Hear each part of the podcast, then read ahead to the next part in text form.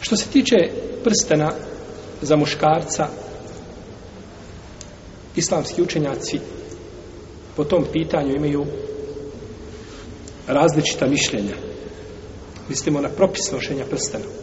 Pa kaže jedan dio učenjaka da je to mubah, svejedno bila potreba za tim ili ne bila potreba. S tim što nema posebne odlike onaj ko nosi. Znači, jedan čovjek nosi prsten, drugi ne nosi. To je mubah onaj ko nosi nema posebne odlike, nema posebne nagrade zato što nosi prsten. To je stvar koja je muba.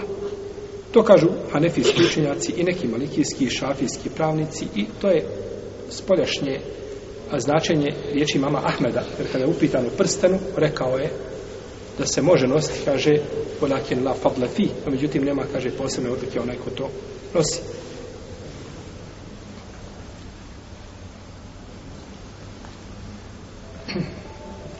Drugo mišljenje da je to mustahab.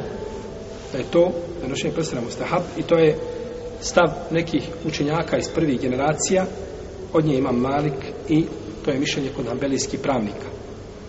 Treće je da je to mekruh osim čovjeku koji ima vlast. Bilo da je sultan, kalifa, bilo da je kadija, bilo da je namjesnik, bilo da je velija, znači bilo šta da je od, od znači, od onoga, od onih koji imaju vlast, njemu je znači, dozvoljeno da to nosi, a ako to čovjek nosi koji nema vlasti, to je suprotno prečem i bolje.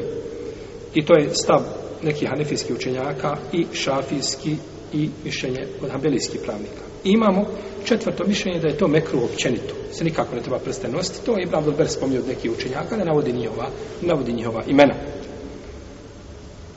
Ispravno je mišljenje da je čovjeku dozvoljeno da nosi zlat srebrni prsten da nosi srebrni prsten zlatni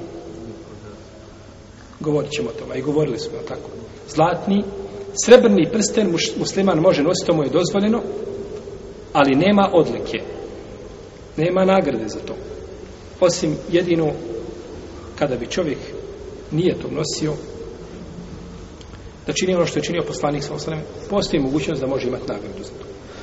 Našto po ovome drugo mišljenje koje kaže da je mu stavu. Protivnom čovjeku je dozvoljeno u najmoj ruku je mu bah nosi prsten srebrni. On nosi srebrni prsten.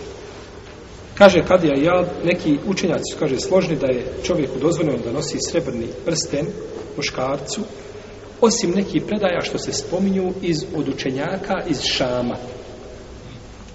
Neki učenjaci iz Šama, iz prvih generacija, znači iz, iz ovaj, kažu da je to mekru i u tom pogledu navode jedan, jednu predaju koja je batil, koja je neispravna.